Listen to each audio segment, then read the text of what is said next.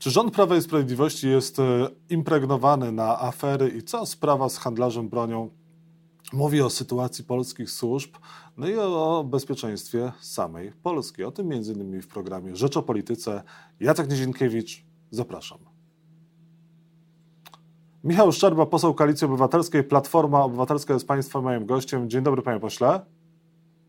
Dzień dobry, witam Państwa. Prawo i Sprawiedliwość jest impregnowane na y, afery. No, sprawa z handlarzem y, bronią, ze sprzedażą respiratorów wydaje się mało interesować Polaków i też wydaje się, że sam rząd mało sobie z niej robi. E, tak, ma Pan rację. E, Polacy się stali ma, mało czuli na afery pisowskie, ale naszym zadaniem jako posłów opozycji, ale też e, wolnych mediów jest właśnie przypominanie, jak to państwo, które stworzyło PiS przez ostatnie 7 lat, funkcjonuje. I mam, mam wrażenie, że w, w, w naszym państwie funkcjonuje taki przepis na, na aferę pisowską. E, przede wszystkim ta afera się e, wydarza, e, oczywiście za zgodą państwa, za zgodą służb, za zgodą decydentów. Później jest pozorowane śledztwo, później jest pozorowany list gończy, a później następuje ucieczka, w konsekwencji brak odpowiedzialności i akt zgonu. To, to jest taki przepis, który w tej, w tej sprawie widzimy, ale sprawa jest bardzo poważna, bo tak naprawdę w tej sprawie chodzi o nasze pieniądze. Każdy z nas, pan redaktor, e, nasi e, widzowie, słuchacze płacą składki na ubezpieczenie społeczne e, i to są środki, które trafiają do, do budżetu państwa na wyposażenie, wyposażenie szpitali, na właśnie urządzenia takie jak respiratory te środki zniknęły. W związku z powyższym pojawia się pytanie, w jaki sposób y, ta afera zostanie rozliczona w sytuacji, kiedy państwo y, doprowadziło do tego, że list gończy okazał się fikcją, był wydany przez prokuraturę, ale jednocześnie był schowany do szuflady. No właśnie, list gończy za człowiekiem, który sprzedał Polsce wadliwe respiratory. E, finansowo chyba również się nie wywiązał. Ile Polska straciła, budżet państwa mógł stracić na tej, e, na tej transakcji? Panie redaktorze, nasze ustalenia z posłem Dariuszem Jońskim są e, następujące. To około 100 milionów złotych. 100 milionów złotych, na tę kwotę składa się 50 milionów, które nie zostało zwrócone do e, budżetu Ministerstwa Zdrowia. E, handlarz bronią dokładnie 14 kwietnia 2020 roku otrzymał tak zwane zaliczki, przedpłaty wypłacone poza jakimkolwiek trybem. Ta formuła nawet nie była uzgodniona w umowie, którą podpisał Janusz Cieszyński, ale również handlarz bronią dostarczał respiratory niekompletne, nie, nie spełniające elementarnych standardów jakościowych. Tak było również z zakupem, którego dokonał e, w KGHM w koncernie miedziowym 285 respiratorów, e, które jak później wykazał NIK w zawiadomieniu do prokuratury e, nie było możliwe do użycia, czyli Rządowa Agencja Rezerw Strategicznych, kierowana przez pana Michała Kuczmierowskiego, przejęła ten sprzęt, stwierdziła braki uchybienia a następnie z własnych środków dopełniała e, tego zadania, jakim było e, doprowadzenie tych, tych, tych respiratorów, tych urządzeń medycznych do funkcjonowania. Mhm. Dlaczego handlarzowi bronią pozwolono wyjechać? No i też okazuje się, że nikt nie poniósł tak naprawdę za tą transakcję konsekwencji, bo wspomniany e, Janusz Cieszyński wrócił do e, rządu, a e, były minister zdrowia pełni teraz też bardzo ważną i odpowiedzialną funkcję państwową. No to jest w ramach tego scenariusza, który zakreśliłem na samym początku naszego spotkania, jest również pozorowane śledztwo, ale także odstawienie na boczny tor, można powiedzieć, na taką ławkę rezerwowych wszystkich tych, którzy zostali skompromitowani tą aferą. Przypomnijmy, że moja działalność, działalność wolnych mediów, y, posła Dariusza Jońskiego doprowadziła do spektakularnych dymisji. Y, to były dymisje 17 sierpnia 2020 roku, to była dymisja wiceministra Cieszyńskiego i 18 sierpnia dymisja samego Łukasza y, Szumowskiego.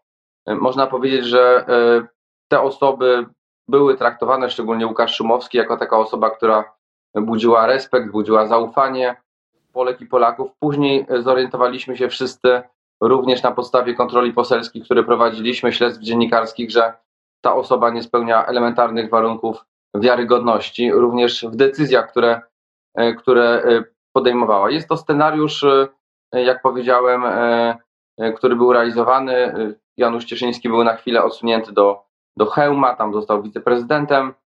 Później nastąpiło kuriozalne oświadczenie e, Jarosława Kaczyńskiego 29 stycznia 2021 roku, który na stronie KPRM, wówczas jako wicepremier do spraw bezpieczeństwa, wydał oświadczenie, że w tej sprawie, w sprawie respiratorowej, nie znajduje jakichkolwiek e, przestępczych działań, a służby i przed, i po autoryzowały tę transakcję. No właśnie, czy ta sprawa ujdzie wszystkim na sucho w związku chociażby z tym, że handlarz bronią nie żyje, a może żyje? Panie redaktorze, my opieramy się z posłem Jońskim i to jest taka nasza, e, powiedziałbym, charakterystyka na faktach, na dokumentach. E, przez dwa i pół roku prowadzimy liczne kontrole poselskie, które, e, które przedstawiamy opinii publicznej, składamy zawiadomienia do prokuratury, składamy wnioski o kontrolę kontrole doraźne w NIK-u. E, żadna sprawa sądowa, e, żaden pozew w tym czasie nie wpłynął. W związku z powyższym my przyjmujemy do wiadomości e, pismo, które do nas skierował pan komendant główny policji, pan, pan generał Szymczyk, w którym to jest napisane wprost. On się pod tym podpisał, że handlarz bronią Andrzej Izdebski nie żyje, więc my nie mamy powodów jakby kwestionować tej opinii, tego, tego, tego świadectwa komendanta głównego policji, ale oczywiście pojawiają się liczne e, pytania. E, co robiło państwo e, wtedy, kiedy 21 marca 2022 roku, po kilkunastu miesiącach kontroli poselskich, po tym jak było już włączone, wznowione postępowanie przygotowawcze dotyczące handlarza bronią, nie wykonali kompletnie nic, jeśli chodzi o możliwość sprowadzenia handlarza do Polski, czy też postawienia mu jakichkolwiek zarzutów. Handlarz broni również przez te dwa lata nie został nigdy przesłuchany przez organy państwa, czy to prokuraturę, e, ale też inne organy e, e, śledcze. 21 marca, jak powiedziałem, po naszych interwencjach z posłem Jońskim było wydane, był wydany list gończy, natomiast on został schowany do, do szuflady. Ani ani tutaj w kraju e, handlarz broni Andrzej Zdebski nie był na liście poszukiwanych przez policję, która jest dostępna na, na stronach internetowych, ale również placówki dyplomatyczne miały wiedzę o tym, że jest to Polak poszukiwany za granicą. Efekt był taki, że Andrzej Zdebski był w Albanii, tam zaczął działalność gospodarczą, tam prowadził rozliczne interesy, nikt mu nie przeszkadzał, nikt mu nie E, nie, e, nie przeszkadzał.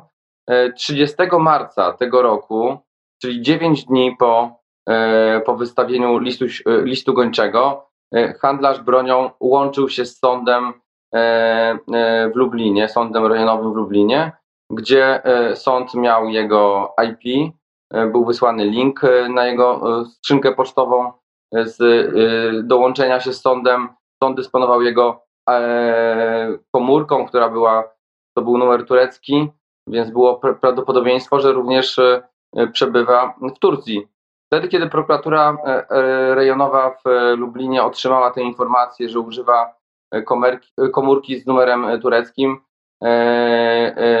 zaprzeczyła i poinformowała inne organy, że handlarz bronią nie przebywa w Turcji, tylko przebywa w Iranie. Więc przez, te, przez ten cały, cały czas była pełna wiedza prokuratury, gdzie się znajduje, była możliwość ekstradycji, była możliwość e, wprowadzenia go do Polski, postawienia zarzutów e, i e, dochodzenia tych wszystkich środków, które zostały wyprowadzone z Ministerstwa Zdrowia. Panie pośle, a może trzeba powiedzieć wprost, że ten człowiek miał parasol ochronny nad sobą, ponieważ był przedstawicielem od dawna polskich służb i dlatego polskie służby mu nic nie mogły zrobić, ponieważ był współpracownikiem. Panie redaktorze, my znamy z posłem Jońskim dokładnie akta IPN, wiemy z kim, z kim mieliśmy do czynienia. To był człowiek, który w latach 70. zaczął współpracę ze służbami e, wywiadu e, PRL. Był agentem, miał swój kryptonim, e, pseudonim Zygmunt. Donosił na swoich kolegów wtedy, kiedy była budowana Solidarność w zakładach lotniczych, w których pracował, on donosił na, na kolegów. I Jarosław Kaczyński i Mateusz Morawiecki dokładnie wiedzieli, kim on jest. Jeżeli panowie, jeżeli pan redaktor pamięta maile Dworczyka, wtedy kiedy pojawia się nazwisko Andrzej Izdebski, Mateusz Morawiecki, czyli ojciec chrzestny tego całego procederu, tej całej afery, nie pyta, kim jest Andrzej Izdebski. On dokładnie wie, że to jest osoba, która jest kompromitowana. Kompromitowana, ponieważ w roku 2020 zostaje umieszczona na liście, na czarnej liście ONZ jako e, ten człowiek, który nielegalnie handlował bronią do krajów, do których ten handel był zabroniony, ale również wszyscy pamiętają, że Andrzej Zdebski, e, reprezentując firmę e, Unimesco, sprzedał firmie Nitrochem, to jest jedna ze spółek zbrojeniowych w Polsce, trotyl i to był identyczny kazus jak w przypadku respiratorów. On otrzymał zaliczki, a tego trotylu nie dostarczył. Skarb Państwa stracił miliony. W sprawie będziemy się przyglądać. E, poseł Michał Szczerba był Państwa i moim gościem. Bardzo dziękuję za rozmowę. Dziękuję bardzo.